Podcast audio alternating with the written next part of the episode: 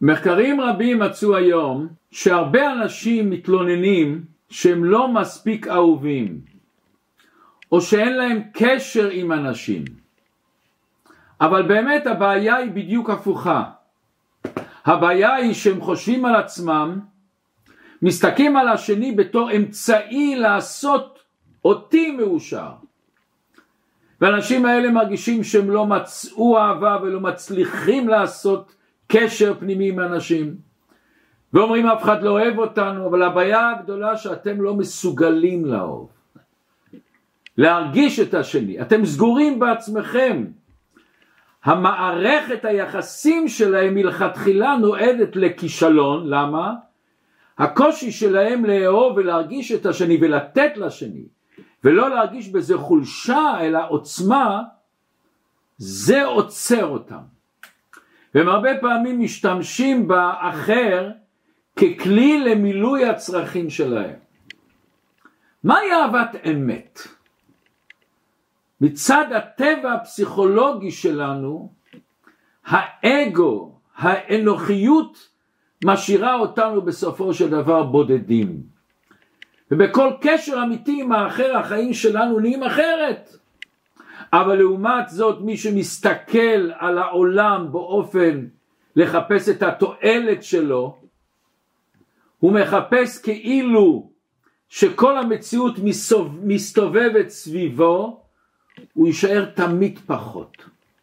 רק כשאנחנו מתחברים לשני, נותנים לו יותר, אנחנו מתעשרים מהחוויה הזאת ולא יורדים ממנה. בארצות הברית עשו מחקר מאוד מעניין, נתנו סכום כסף לשתי קבוצות של סטודנטים. ובסוף היום שאלו כל אחד מה הוא עשה עם הכסף. אז היו אנשים שבזבזו אותו לקנות אוכל, בגדים, דברים אחרים. היו אנשים שבזבזו אותו את הכסף הזה איך לעזור לאנשים. איך לעשות שאנשים יחייכו. בסופו של יום שעשו את המחקר מי יותר מאושר כל אחד יודע. אלה שהוציאו את הכסף על הצרכים שלהם כבר שכחו את כל ההנאות. כשאני קונה איזה עוגה טובה, כמה זמן אני מרגיש את הטעם. כשאני קונה אפילו בגד טוב, כמה זמן אני מרגיש את הנאה. אבל כשאני עושה עם הכסף שלי עוזר לאנשים, ואני עושה את זה באמפתיה, בהרגשה פנימית, הם זוכרים את זה וזה נחקק. לא לפני זמן רב עשו מחקר גדול מאוד ומצאו שהעם האמריקאי והבריטי הם היום פחות מרוצים מהמצב שאנשים נהנו לפני חמישים שנה. למרות שהעושר החומרי שלהם גדל הרבה יותר. המון מחקרים הוכיחו היום שהנתינה עושה אותנו לבעלי משמעות. ולא סתם שומעים לפעמים אנשים לפני הפטירה שלהם מה הם משאירים בעולם ריבונו של עולם? אנשים מיליארדרים. הם לא משאירים לא את הכסף ולא את הכבוד שלהם, הם, הם זוכרים כמה טוב עשיתי. אז למה באמת אנחנו שמים כל כך הרבה מאמץ ומחשבה וריצות ליצור מוצרים, לצבור עושר, למה? אז מישהו אמר לזה דוגמה יפה, אפשר להשעות את זה לבן אדם שכל הזמן הוא דופק בדלת ומחפש מישהו. וכשאומרים לבן אדם הזה שאתה מחפש לא בבית, לא, הוא חייב להיות שם, הוא חייב להיות שם. הוא מתפרץ פנימה לבדוק את הבית, הוא לא, הוא לא נמצא שם. וכשהוא יוצא החוצה מהבית הוא שוב חוזר אחרי איזה חצי שעה, רק כדי לדפוק איפה הוא. כל מי שמחפש אושר בדברים גשמיים, לא עושר בעין, עושר באלף, דומה לאותו תיאור. אבל בואו נראה למה זה באמת בגנים שלנו. פרשת השבוע שלנו, התורה אומרת דבר שכולנו יודעים אותו. באה התורה ואומרת כי יהיה בך אביון מאחד אחיך אשר באחד שעריך בארצך, אשר השם אלוקיך נותן לך, לא תאמץ את לבבך, לא תסגור את הלב, לא תקפוץ את ידך מאחיך אביון, אלא כי פתוח תפתח את ידך לו. השם אומר די מחסורו אשר יחסר לו. וכאן בא הדבר מעניין מאוד. בכל מקום שהתורה אומרת מצווה מסוימת, אומרת את המצווה.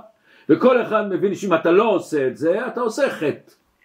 התורה אומרת, הוקשרתם לאות על ידיך, אתה יודע, אם אתה לא מניח תפילין, זה באיזשהו מקום עשית חטא. פה התורה ממשיכה. אם לא תעשה את זה, ישמר לך פן יהיה דבר עם לבבך בליעה לאמור. קרבה שנת השבע, שנת השמיטה, ורעה עיניך באחיך האביון, העין שלך רעה, ולא תיתן לו. וקרא עליך השם והיה בך חטא. נתון תיתן לו ולא ירע לבבך בתיתו לו. למה? אם תיתן לי, בגלל הדבר הזה יברכך השם לוקח בכל מעשיך ובכל משלוח הידך. אומר התורה הבטחה כי לא יחדל אביון מקרב הארץ. שאומר תמיד אביונים. על כן אנוכי מצווך לאמור פתוח תפתח את ידך לאחיך לענייך לאביוניך בארצך. בכל המצוות האחרות כתוב את המצווה וגמרנו פה תראי יישמר לך. חס ושלום תהיה נקרא בליעל מה זה? התורה כל כך עושה טרסק שלם מזה. למה פה דווקא במצוות צדקה התורה עושה מזה כזה עניין גדול? רואים מזה שבמצוות צדקה שבן אדם לא עושה זה פגם הרבה יותר עמוק זה פגם יותר בעצם של הנפש שלו עד כדי כך שבתיקוני הזוהר בהקדמה ב' כותב דברים נוראים על הקמצן שאינו נותן צדקה עד כדי כך שחס ושלום הוא אינו מזרע האבות. למה הוא לא מזרע האבות? מה זה? אנחנו כולנו מכירים את הגמרא המפורסמת שלושה סימנים יש באומה זו רחמנים, ביישנים וגומלי חסדים וכל שיש בו שלושה סימנים אלו ראוי להידבק באומה זו. למה דווקא השלושה סימנים האלה מסמלים את המהות של עם ישראל? אנחנו יודעים שאנשים מדברים על עם ישראל, מדברים על החוכמה שלהם. בפרסי נובל, בסביבות 25% מפרסי נובל קיבלו יהודים, או יותר נכון, אנשים שהזדהו כיהודים. יש כאלה שלא מזדהים כיהודים. אנחנו יודעים תמיד חוכמה זה הסמל של היהודים. אבל למה התורה לא אומרת שהביטוי של מה מבטא את עם ישראל, החוכמה, לא, רחמנים, גומלי חסדים, למה? למה דווקא זה? עניין של צדקה בעם ישראל הוא באופן יוצא מן הכלל. לא רק שיהודים ב, ב, בסטטיסטיקות לפי ערך נותנים הרבה יותר צדקה מכל העמים ביחד. גם הם עושים כל מיני צדקות למיניהם. אתם שמעתם בארץ ישראל יש פה בבלגיה יש באמריקה יש המון מדינות הצולה הצולה מארגנים מכוניות אופ, אופנועים הצולה יש כזה ארגון במקומות אחרים חברים אצלנו יש באנטוורפ בכל מיני מקומות. מה זה חברים? אם אתה נתקעת עם המכונית ופתאום הבטריה נגמרה לך, נגמר לך בנזין, אתה בא הביתה והדלת, המפתח נשבר, המכונת כביסה נשברה, הם יבואו מיד ויעשו טיפול ראשוני, הצלה ראשונה הם יעשו. גמחים, גמחים של כסף, תיכנסו לאינטרנט, תראו רשימה של גמחים, איזה רעיונות. גמחים למשחקים, לכיסאות, לשמלות כלה, לבגדים יפים לחתונות, תרופות, שפע עצום, רעיונות עצומים, למוצצים, למוצצים יש גמחים. מה אין גמחים? כל אחד מחפש, לא פעם אנשים באים אליי, מה אני יכול לעשות עוד איזה גמח? יש ארגון של הרייבים, שאם אחד מהקבוצה חס ושלום אחד נפטר, נותנים כסף חצי מיליון או מיליון ליתומים שיהיה להם. כל אחד נותן משהו בלי רווח, אצלנו עשינו כזה ארגון, שבאנו לבנק לפתוח את החשבון של אותו הארגון הזה של הרייבים, אז הוא שואל אותו, ומה אתם מרוויחים מזה? שואל אותנו הגוי. שום דבר. יש לנו שכן, שהוא אדם מאוד נחמד, אבל הוא לא יהודי. ופעם אחת עשינו באסיפת בית, אז הוא אומר לנו, אני רואה שיש לכם המון משפחה, המון משפחה, למה אתה אומר המון משפחה? אז הוא אומר, אני אגיד לך למה. כל הזמן אני רואה אנשים באים אליכם, מבקשים כסף, ואתם נותנים להם. אז זה משפחה, ממי יכול לבקש מהם? התחלנו להסביר שאנחנו לא מכירים אותם בכלל, אנשים דופקים בדלת, פותחים, זה להכנסת כלה, לזה, ונותנים. והוא לא האמין לנו, מה, סתם אתם נותנים? הוא נותן, כל שנה הוא נותן 20 אירו לארגון למעל בעלי חיים, יפה מאוד, אבל זהו זה, נגמר הסיפור. מאיפה זה נובע, ריבונו של עולם? למה זה בגנים שלנו, ריבונו של עולם? אומר הקדוש ברוך הוא, לך יש חלק אלוקה ממעל ממש. עוד יותר, כל עם ישראל נשמה אחת. אנחנו יודעים שאדם הראשון זה היה נשמה כללית. איך אנחנו אומרים? כל ישראל יש להם חלק לעולם הבא. אז כל האנשים שואלים, מה זה כל ישראל? יש אנשים שאין? לא! בכל, בכלל, בשורש, במהות, כל ישראל יש להם חלק לעולם הבא. יש לכל אחד את הייחודיות שלו, את מה שאין לשני, אין דעותיהם של... אבל במהות אותו דבר. אומר המהר"ל דבר נפלא, יש לו ספר נתיבות עולם, ויש נתיב הצדקה. תסתכלו שם פרק ב'. אומר שהפסוק אומר אצל נתינת הצדקה כי יהיה דבר עם לבבך בלי על וראה עיניך באחיך האביון. אומר המר"ל מה הפשט? אם אתה מרגיש שזה אח שלך, איך אתה לא, איך אתה לא מרחם עליו? אח שלך אתה לא מרחם עליו. ואם אתה מעלים עיניך ואתה לא מתייחס אליו, אה חס ושלום סימן שזה לא אח שלך. אז אתה פורש מישראל. עם ישראל זה עם אחד. איך אנחנו אומרים? אתה אחד ושמך אחד, ומי קמך ישראל גוי אחד בארץ, עם אחד. אומר המהר"ל, זה הפירוש שחס ושלום, מי שאתה רואה שהוא סגור לגמרי בלב, יש בעיה בייחוס שלו באיזשהו מקום, חס ושלום. למה אם אתה מרגיש את הנשמה שלך, אתה מוכרח להרגיש השני אח שלך. פחות, יותר אתה מרגיש. אם אנחנו רוצים להרגיש קצת את מה שאנחנו, להתקשר לשלשלת העצומה שלנו, להרגיש את האור שיש בנו, אדם צריך לצאת מעצמו. להרגיש את השני, את הצער של השני, את הכאב של השני, את החיסרון שיש לשני. וזה לאו דווקא בכסף. יש אנשים שהם עניים במחמאות, הם עניים בעין טובה, הם עניים בלפרגן לשני.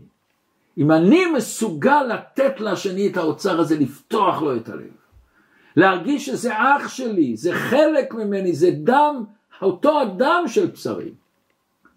פתאום אני מרגיש פתאום איזה וואו בנשמה שלי, איזה משהו נפתח אצלי, תכלית שלי. ולא פעם ולא פעמיים אני פגשתי אנשים שהיה להם קשה מאוד לתת צדקה. ופתאום בשלב מסוים הם פתחו ונתנו צדקה, זה היה אצלהם האוצר הגדול. אבל יש עוד דבר מעניין שצריך להתבונן פה מה שהתורה אומרת לנו. התורה אומרת דבר שאין לנו בשום מקום אחר. התורה אומרת לא תקפוץ את ידך. מה זאת אומרת? פתוח תפתוח את ידך לו. מה זאת אומרת פתוח תפתוח? שהתורה אומרת לנו מצוות השבת אבדה. שהתורה אומרת לנו מצווה לקחת את ארבעת המינים. שהתורה אומרת לנו מצווה לעשות קשירת תפילין. האם התורה אומרת פתוח תפתח את ידך ואחוז בתפילין ותקשור אותם? פתוח פתוח את ידך ותחזיק את ארבעת המינים? התורה אומרת לנו תעשה הנחת תפילין, התורה אומרת תן צדקה. מה ההדגשה הזאת תפתח את היד? מה זאת אומרת תפתח את היד? אני, ואני, אם אני נותן את הצדקה עם הרגל, אם אני שולח את הכסף הזה בבנק, מה, מה ההדגשה הזאת תפתח את היד? אבל יש כאן משהו, משהו נפלא. אומר המדרש, אמר רבי מאיר, כשאדם בא לעולם ידיו הן קפוצות, סגורות. למה? כלומר כל העולם כולו שלי הוא. ידיים חזקות אני הולך לכבוש, ואני נוחלו, אני הולך לקחת את העולם, הוא שייך לי. כשהוא נפטר מן העולם, ידיו הן פשוטות. כלומר, אומר המדרש, לא נחלתי מן העולם הזה כלום. אומר שם המדרש משל נורא יפה על השועל שהיה רעב, הוא עבר על יד כרם ורצה להיכנס אבל היה גדרות. למה? בעל הכרם הוא סגר, הסתובב הסתובב עד שהוא מצא איזה חור קטן בגדר. השועל הזה שמן, מה עשה? צם. צם שלושה ימים ושלושה לילות נהיה רזה, הצליח להשתחל, להשתחל בתוך החור הזה. ונכנס אל הכרם ולא בזבז רגע אחד והתחיל לאכול, לאכול ענבים, לאכול ולאכול במשך כמה ימים היה שם וואו איזה תענוג, איזה עולם הזה. אבל כשהוא רצה לצאת, אי אפשר לצאת ריבונו שלו. מה הוא עשה? היה צריך שוב לצום שלושה ימים. ואז הוא יצא החוצה כחוש, רעב, כועס, והפך השועל את פניו אל הכרם ואמר לו, כרם כרם, מה יפה אתה? כמה טובים פירותיך, אבל ליהנות ממך אי אפשר. רעב באתי ורעב יצאתי. אומרת התורה, אתה נולדת עם יד קמוצה. כל אחד מאיתנו נולד עם יד קמוצה. סגרת את היד. חשבת שהכל שלך. האגו שלך התפרץ לכל מקום. אבל פתאום עובר שנים, ולפני 120 שנה שלך אתה פותח את היד. איי איי איי, אומרת התורה, הסיבה שאתה לא רוצה לתת צדקה מכיוון שהאגו הזה היד קבוצה. תפתח את היד, תצא מהאגו שלך. ולכן צדקה זה מצווה לא כמו כל המצוות, כל המצוות אני, אני מניח תפילין, זה הכל בעצם לי. פה באיזשהו מקום אני צריך לצאת מעצמי, לוותר מעצמי. אחד השקיע הרבה כסף בחסד. שאלו אותו למה אתה עושה את כל זה ריבונו של עולם למה? אז הוא אומר תשמע כל אדם יודע שהוא עוזב את העולם הזה הוא לא יכול לקחת איתו שום דבר אבל תשמעו איזה וורט הוא יכול לשלוח מראש הוא יכול לשלוח יכול לשלוח מראש אומר בעל התניא כאן הרבה יותר עמוק הוא אומר. כשבן אדם עובד ומרוויח כסף אנחנו יודעים מה זה לעבוד בפרנסה. הראש נמצא בפנים הלב נמצא בשם גם בלילה אני לא יכול לישון לפעמים בלילה בגלל המחשבות הוא כן ישלם לא ישלם כן קניתי טוב לא קניתי טוב. כל כולנו בתוכו. אומר אל תראה בשאתה נותן כסף. זה לא כסף אתה נותן חלק מהחיים שלך, חלק מהרגש שלך, מההשקעה שלך, מהעבודה שלך, מהעוצמה שלך. ואתה נותן את זה החוצה.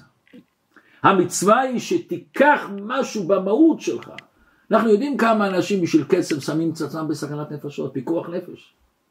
אנחנו יודעים כמה אנשים לפעמים כואב, כואב, כואב, כואב, כואב להפסיד כסף. כמה הפרנסה בראש שלנו ולא לחינם שבאים למעלה שואלים נסעת ונתת באמונה?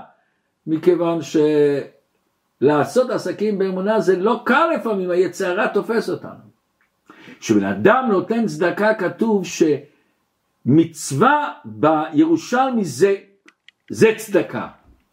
זה כנגד כל המצוות. שקולת צדקה כנגד כל המצוות. למה שאתה נותן את עצמי? לכן נוכל עוד להבין דבר עוד יותר עמוק רבי יהושע בן קורחה אומר כל המעלים עיניו מן הצדקה כאילו עובד עבודת כוכבים. נכון הגמרא לא אומרת כאילו עובד, אה, עובד עבודת כוכבים, כאילו עובד, אבל גם מילים כאלה, מה עבודה זרה? איפה הוא שאתה עבודה זרה? הוא לא נתן צדקה, מה אתה רוצה ממנו? אבל סוף סוף כל סוף, מה הקשר של קמצן לעבודה זרה? אלא אנחנו יודעים שברגע שבן אדם מאמין שהכל בא מהקדוש ברוך הוא, הוא בוודאי נותן צדקה. כמו שכתוב בפרקי אבות פרק שלישי משנה ז', תן לו משלו, שאתה ושלך שלו. למה הוא לא נותן? מכיוון שהוא חושב כוחי ועוצם ידי עשה את החיל הזה. זה אני, מה זה, זה לא הוא, זה לא אני. איי, אתה יודע לבד שיש אנשים יותר חכמים ממך, יותר מוצלחים ממך, יותר פיקחים ממך שלא עושים כסף. וכל אחד יודע שלפעמים מהעסקים, לפעמים שהוא לא חלם שיצא כסף, פתאום יצא אוצר שלם. אבל האגו מבלבל אותך. אה, אם אתה לא נותן צדקה שאתה חושב לעצמך, זה שלי, כוחי ועוצם ידי, זה עבודה זרה. יש סיפור נורא יפה מספרים על רוטשילד, לא בדקתי את זה, בדיוק זה היה, אבל הסיפור נפלא. פעם אחת מישהו אחד היה לו שלושה בנות בבית, חי בפולניה. הבת הגדולה כבר עליתה בת 18-20, צריך לחתן אותה, ואז היו צריכים לתת נדוניה, זה לא סתם, ואין לו גרוש בנשמה. האיש הזה היה תמיד בעיות בטל לאשתו. אך אנחנו יודעים, השם אומר לאברהם אבינו, כל אשר תאמר שרה שמה בקולה, הלך להתייעץ באשתו. ואם אתה, אני לא מבין מה, מה השאלה שלך. אתה מאמין בקדוש ברוך הוא. הוא הרי נתן לנו את הבנות שלנו. שלושה שותפים באדם. תשב תכתוב מכתבה לקדוש ברוך הוא. ותגיד לקדוש ברוך הוא שלושה שותפים הם באדם. אבא ואמא והקדוש ברוך הוא. לנו אין כסף, לך לי הכסף ולי הזהב אמר השם, תן לנו, תשלח לנו. כותב במכתב, אני צריך חמישים אלף רובל וכותב פירוט. כמה דירה, כמה רהיטים, כמה חתונה, כמה בגדים, פירוט שלם. ושולח את המכתב הזה לקדוש ברוך הוא. אז הוא אומר לי, אבל רגע, רגע, איזה כתובת? הוא אומר, מה זאת אומרת? קדוש ברוך הוא מלא כל הארץ כבודו, תכתוב לכבוד הקדוש ברוך הוא יגיע. לא צריך בול אפילו, זה, זה מגיע מיד. יפה, לקח את המכתב, שם במעטפה, הכניס בדבר. אז בזמנם הוציא את המכתבים מהדבר, מתחיל למיין, רואה מכתב בלי בול, בלי שום דבר, כבר הקדוש ברוך הוא, לא יודע מה זה, איפה נשלח את זה. פותח את המכתב, רואה, מבקשים תרומה, אה, הוא מכיר את הברון רוטשילד, כותב CO, אצל, כותב את הכתובת של הברון רוטשילד. בא המכתב לברון רוטשילד, הברון רוטשילד רוצה לכבוד הקדוש ברוך הוא, CO, השם שלו, וואו, אני ממש גר עם הקדוש ברוך הוא. פותח את המכתב, מתרגש מאוד מהתמימות של היהודי הזה, איזה תמימות. אומר למזכיר שלו, אתה יודע מה, אני צריך לעזור לו. כמה לשלוח לו? אז הוא קורא, עובר את כל החשבונות, אומר, הוא רוצה את החמישים אלף רובל. ארבעים יספיק, לא יעשה חתונה פחות קטנה, אה, אה, לא כזאת גדולה, דירה פחות. בא לו הארבעים אלף היהודי הזה, בא לבית כנסת, עשה קידוש בשבת. וואו, הקדוש ברוך הוא, תודה. בא מהקדוש ברוך הוא, ממש ישיר. ומספר לכולם, ואכלו ורקדו ושרו. עבר שנה, הבת הראשונה התחתנה, באה הבת השנייה, הוא שואל את אשתו, מה עושים? מה, יש לנו דרך, מה, תכתוב מכתב. כתב מכתב. ושוב פעם מגיע לדבר, ושוב הדבר עושה סיור לברון רוטשילד, בא לברון רוטשילד. ברון רוטשילד מתחיל לקרוא את המכתב וכועס. שלחתי לו כסף. לא שלח לי הזמנה לחתונה, לא שלח לי תמונה של החתן הקלה, שום דבר, תודה, שום דבר לא שלח לי. ובמחשבה ראשונה הוא מתחיל לקרוא, אומר לא שולח לו. בסוף כתוב נ"ב. ואנחנו יודעים שהנ"ב לפעמים זה הנקודה, הנקודה. מספרים שפעם בחור אמריקאי כתב לאבא שלו, אבא אני בארץ ישראל תשלח לי דחוף אלף דולר. אז האבא שולח לו צ'ק של מאה דולר ואומר לו נ"ב בני היקר הגיע הזמן שתדע שמאה כותבים עם שתי אפסים ולא שלוש. נ"ב לפעמים זה העיקר. ואז הוא קורא את הנ"ב רוטשילד ומתחיל לפרוץ בצחוק ואומר לו תשמע תשמע שלח לו את החמישים מה היה כתוב? אז הוא כותב לכבוד הקדוש ברוך הוא אני מודה לך על הכסף שהבאת לי ועשינו את החתונה הראשונה ועכשיו בחתונה השנייה ואני צריך כסף וכו' וכו' וכו' ואז הוא אומר נ"ב ריבונו של עולם שאתה שולח לי עכשיו את הכסף אל תשלח על ידי הברון רוטשילד הוא לוקח עשרים אחוז בשבילו לכיס והברון רוטשילד תפס את המסר, זה איזה יופי. ברגע שבן אדם תופס את המסר הזה, שאתה בנק של הקדוש ברוך הוא, אתה צינור ונותנים לך גם לקחת, גם אתה יכול לקחת, אבל תיתן. ריבוי הכסף והרכוש עלול לקלקל את הבן אדם. עד כדי כך שאומר הפסוק ישמר לך פן תשכח את השם אלוקיך, למה? ירבה לך כסף וזהב, ורם לבבך ושכחת את השם אלוקיך. המוציאך מארץ מצרים מבית העבדים ואמרת בלבביך כוחי ועוצם ידי עשה לי את החיל הזה. וזכרת את השם אלוקיך כי הוא הנותן לך כוח לעשות חי. זה רק הוא. אני מכיר סוחר אחד שהייתי קרוב אליו מאוד, היום הוא חי ברעננה. עשה עסקים, יהלומים, קנה, מחר, קנה, מחר, ופעם בא אליו המתווך ומביא לו אבנים חומות. אומר לי, מה יש לי לעשות אותם? אין לי מה לעשות אותם, אני לא רוצה. עוד פעם הוא בא אליו אחרי שבועיים, עוד פעם. בסוף אותו מתווך בא אליו ואומר, תראה, אין לי פרנסה, תעשה לי טובה, תקנה רק שיהיה לי איזה פרנסה, את הקומיסיון שלי. אוקיי, קנה את החבילה, זרק את זה בסייף. הוא מספר לי בערב פסח, הוא עושה את הבדיקת חמץ במשרד, גם בסייף, ופתאום מצלצל בדלת ובא המלטש שלו, זה שמלטש את האבנים. ואומר לבעל הבית, הוא לא יהודי בכלל, אומר לו, תראה, אין לי פרנסה, אין לי כסף, אולי יש לה כמה אבנים, לא היה לו אבנים. אבל בדיוק הוא עשה בדיקת חמץ, הוא מצא את האבנים החומות האלה. שהוא בעצם קנה אותם בשביל צדקה, שיהיה לו אותו מתווך קצת. הוציא, אמר לו, הנה יש לך אבנים. הוא אומר לו, אחרי כמה שבועות הבן אדם הזה נכנס אליי למשרד והוא מראה לי את האבנים, היה לי שחור בעיניים. שחור בעיניים מרוב הפרוז'קטור האור. רוב האבנים נהיו לבנות. התברר שהחום זה היה קליפה חיצונית. התחילו ללטש, ירד החום. הוא אומר, אני הרווחתי כסף כמו שאף פעם לא הרווחתי. אומר הקדוש ברוך הוא, אל תשכח את השם.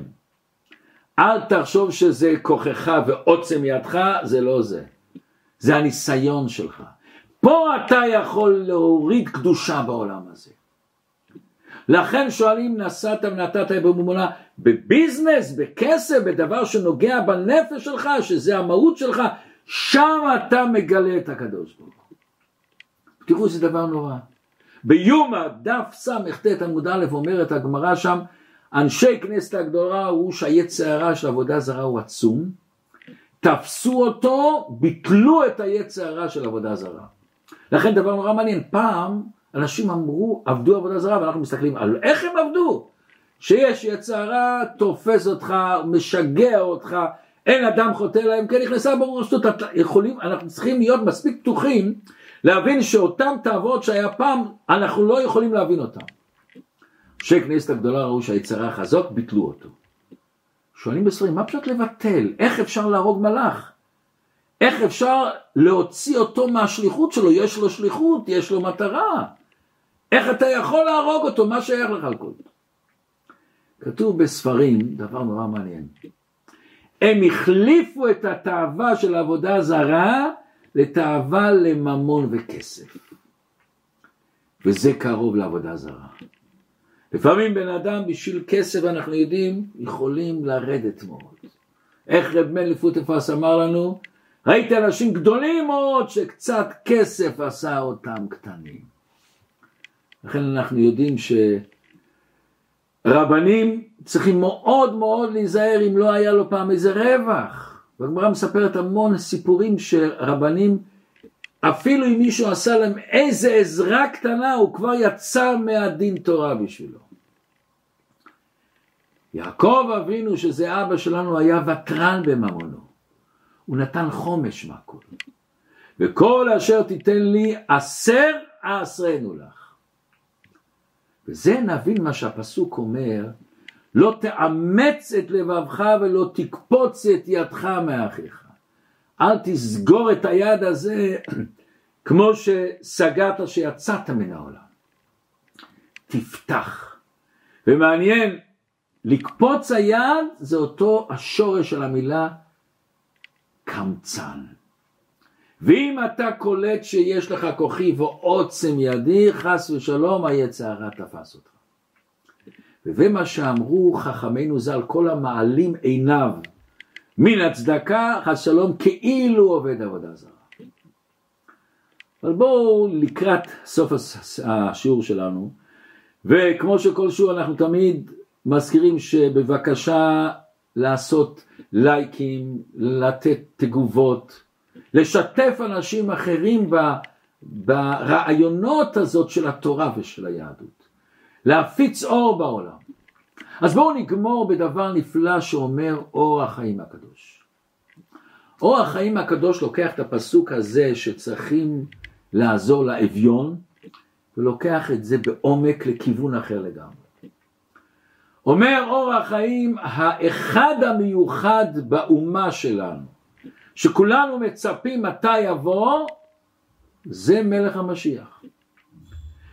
כתוב שמלך המשיח נמשל לעני. כתוב בזכריה ט' ט', אני ורוכב על החמור. אומר, אומר אור החיים רמז לדבר שמשיח יהיה אביון. מה הפירוש של המילה אביון? אומר רש"י אביון מלשון תאב לכל דבר. הוא, הוא צמא לכל דבר, כל דבר הוא, הוא רוצה אותו, הוא רוצה אותו, הוא רוצה אותו. למה משיח נקרא אביון? הוא תאב, תאב מתי יהיה לו את הזכות לבוא לגאול את עם ישראל. תשמעו סיפור נפלא. אומרת הגמרא מעשה עם רבי יהושע בן לוי. כשראהו מלך המשיח שאל אותו על ישראל בעולם. אמר לו רבי יהושע בן לוי הם יושבים ומצפים לביאתך. שמע כן מלך המשיח גאה בבכייה. מה זה גאה? נשפך בבכייה. למה? מתשוקתו לבוא לגאולם. ממשיך אור החיים הקדוש ואומר שהשם מצווה לכל אחד מעם ישראל. תביא את המשיח, תגלה אותו. ואומר בפרט אומר אור החיים במצוות הצדקה. בצדקה תכוננני, בצדקה נביא את הגואל. למה? כמו שהסברנו, אומר בעל התניא, צדקה שקולה כנגד כל המצוות שבצדקה באיזשהו מקום אתה נותן את המרות שלך. אתה מניח תפילין, אתה שומר שבת, אתה אוכל כשרות, זו מצווה גדולה מאוד, אין ספק. אבל רק בכסף אתה נותן דבר שהשקעת בכוח, השקעת, השקעת בו ראש. פעם מישהו אמר לי, פה באנטוורפ שעוסקים ביהלומים, והרבה פעמים מוכרים ל-30 יום. אז הוא אומר לי, מה זה ה-30 יום? ה-30 יום במשך היום אתה לא כך עסוק בזה, אתה עובד. בלילה 30 לילות אתה צריך לחכות, בלילה מרשאות הוא ישלם, לא ישלם, הוא כן בסדר, לא בסדר. ויש כאן סיפור, אם כבר מדברים על אור החיים הקדוש ועל ביאת משיח, יש כאן סיפור מאוד יפה. שאור החיים כתב את, ה, את ה, הספר שלו, אז בפרשת ראה הוא כותב בסוף של אותו ההסבר שלו שמשיח נקרא אביון וכולנו צריכים לעשות שהמשיח הזה יבוא שיוכל לגאול אותנו הוא כותב בסוף משיח השם שמו חיים אז יש הרבה אומרים כתוב בגמרא שכל דור יש את הנשמה של משיח. לכן כתב משיח השם ושמו חיים הוא התכוון על עצמו שאם עם ישראל היה לו זכות הוא היה מקבל את הנשמה של משיח מלמעלה, יש תשובה שלמה של החתם סופר, אולי פעם יהיה לנו זמן על כל הנושא הזה של משיח לדבר. משיח השם משיח, יפה. כשבאו הדברים לפני רבי פנחס מקוריץ, ומספרים לו לרבי פנחס מקורץ, אחד מגדולי ישראל, שהמדפיס כתב, מה? אור החיים כותב את זה על עצמו, משיח השם? הוא הוציא את זה. אז הביאו לו את החומש הזה ויראו את החוצפה של המדפיס הזה, שהשם שלו היה אשר, הוציא את המילים האלה, משיח השם שמו חיים. אומר רבי פנחס מקורת שהיה צדיק גדול, אומר באותו הדפוס שהמדפיס הדפיס הוא נענש. איפה הוא נענש? הוא פתח באותו הספר של אור החיים שהוא הדפיס, בפרשת סוטה. ושם כתוב, ותאמר האישה אמן ואמן. אז אור החיים הוא כתב, מה זה אמן ואמן? הוא אומר אמן מאיש זה, לא עשיתי חטא מאיש זה, או מאחר, לא עשיתי גם מישהו אחר. ואותו המדפיס שהשם שלו היה אשר, מה הוא כתב? מאיש זה או מאשר, מאשר. אתה הורדת את השם של אור החיים הקדוש, אתה הכנסת את השם שלך. וזה מה שכתוב במדרש, בש... הרמב"ן מביא את זה, ויאמר אלוקים אל משה אהיה אשר אהיה. מה זה אהיה אשר אהיה? אומר הקדוש ברוך הוא, כשם שאתה הווה עמי, כך אני הווה עמך. אם פותחים את ידיהם ועושים צדקה, אף אני אפתח את ידי. יפתח השם את, לך את אוצרו הטוב, אבל אם חס ושלום, אז זה לא. ולכן הוא אומר, כתוב פתוח תפתח, מה זה פתוח תפתח? לא שאני אפתח, שיהודי פותח את היד שלו, הקדוש ברוך הוא פותח את היד. השם צילך על יד ימיניך. אז בואו אני אספר לכם סיפור מרגש מאוד. סיפר את זה יהודי בשם רב חיים אליעזר רוזנפלד. הוא מספר, סבא שלו הקים מוסד בית לפליטות. לאחר מלחמת העולם השנייה היו המון נשים שבאו מאירופה, לא היה להם מקום, הוא התמסר להם כמו אבא, דאג להם בשידוכים, עשה להם פנימייה, אוכל, נתן להם את הכל. זה בנות שמהרבה סיבות לא יכלו לחיות בבית שלהם, או שאין להם בבית, או שאין להם אפשרויות. הוא אומר, אני היום מנהל את הפנימייה שהוא עשה. פעם אחת נכנסתי אל הבניין ובאה אליי אחת המורות ואומרת לי המנהל יש כאן בת שמוכרחה בגדים צריכים לקנות לה בגדים חשבתי להוציא את זה מהקופה של המוסד אני צריך לחכות עד יום ראשון והכספים אני צריך ללכת לפקידה וצריך אישור וחתימה, מזכירה צריכה חתימה ולהוציא צ'ק וסיפור והיא צריכה עכשיו דחוף, לא דחיתי את הבקשה, הוצאתי את הארנק שלי, שמתי כמה מאות שקלים על השולחן, אמר תקחי את זה, זה בשבילה. מורה אמרה לי, שכוח תודה רבה. יום, זה היה ביום חמישי בצהריים, אחרי צהריים. יום חמישי בלילה אנחנו נוסעים על, ב, עם אוטובוסים למירון. בנות הפנימייה יושבות באוטובוס עם בנותיי, אני ברכב, מכונית אחרת עם אשתי ושלושה ילדים. בחור, ילד בן שמונה ותינוק בן חודשיים. הנהג חבר שלי. הגענו לטבריה, היינו אצל רבי מאיר בלנס, והתוכנית הייתה לנסוע לעצור במערה של רבי שמעון ובנו, שהתחבאו בגזרות של אותם הגויים בזמן הזה. ובא אליי אחד ואומרת לי, הרב, אוטובוס מחכים לנסיעה, יש נסיעה ארוכה, אולי תעלה לאוטובוס ותגיד שיעור. הסכמתי. אוטובוס עצר, אני עצרתי, עצרו את המכונית שלי, אני יצאתי, ובני הבחור קופץ לי החוצה ויושב על יד המושב של הנהג. ופתאום קופצת איזה בחורה מהאוטובוס, ואומרת, אני רוצה את נפתלי. מי זה נפתלי? התינוק הזה בן חודשיים. ואז אשתי אומרת לי, לא, תעזבי, הוא אצלי, אצלי, והיא לא שואלת שום דבר. הולכת לה, אל הכיסא שלו, אתם יודעים, הכיסא שהוא יושב ככה, שהוא סגור, פותחת את החגורה, מוציאה אותו והולכת לאוטובוס.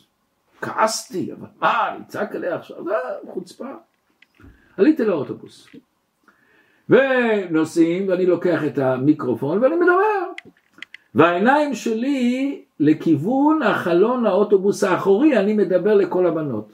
דיברתי על רבי שמעון ורבי אלעזר ואליהו הנביא ופתאום אני רואה מאחורנית יש מכוניות שנוסעות אחרי האוטובוס אנשים עוצרים את המכונית ויוצאים וצועקים צועקים צועקים והבנות שהן מסתכלות מקדימה לאוטובוס קמות וצועקות זה הרכב של המנהל זה הרכב של המנהל ואני לא יודע מה מדברים אני יורד מהאוטובוס ואני רואה השם ישמור היה מכונית שהתנגשה במכונית שלי. ונכנסים לרכב השני ומוצאים אנשים ומשכיבים אותם. והלב רועד, איפה הילדים שלי? איפה אשתי? רצתי למכונית אשתי, נפגעה, ועוד לא ידעתי עד כמה זה. הבן שלי שלוימי בן שמונה קיבל מכה חזקה בפנים על יד העין, זה התנפח לו. הבחור קיבל מכות אבל שלם. ואז אני מסתכל על המקום של התינוק. וואו. המכונית נכנסה בדיוק במקום של התינוק.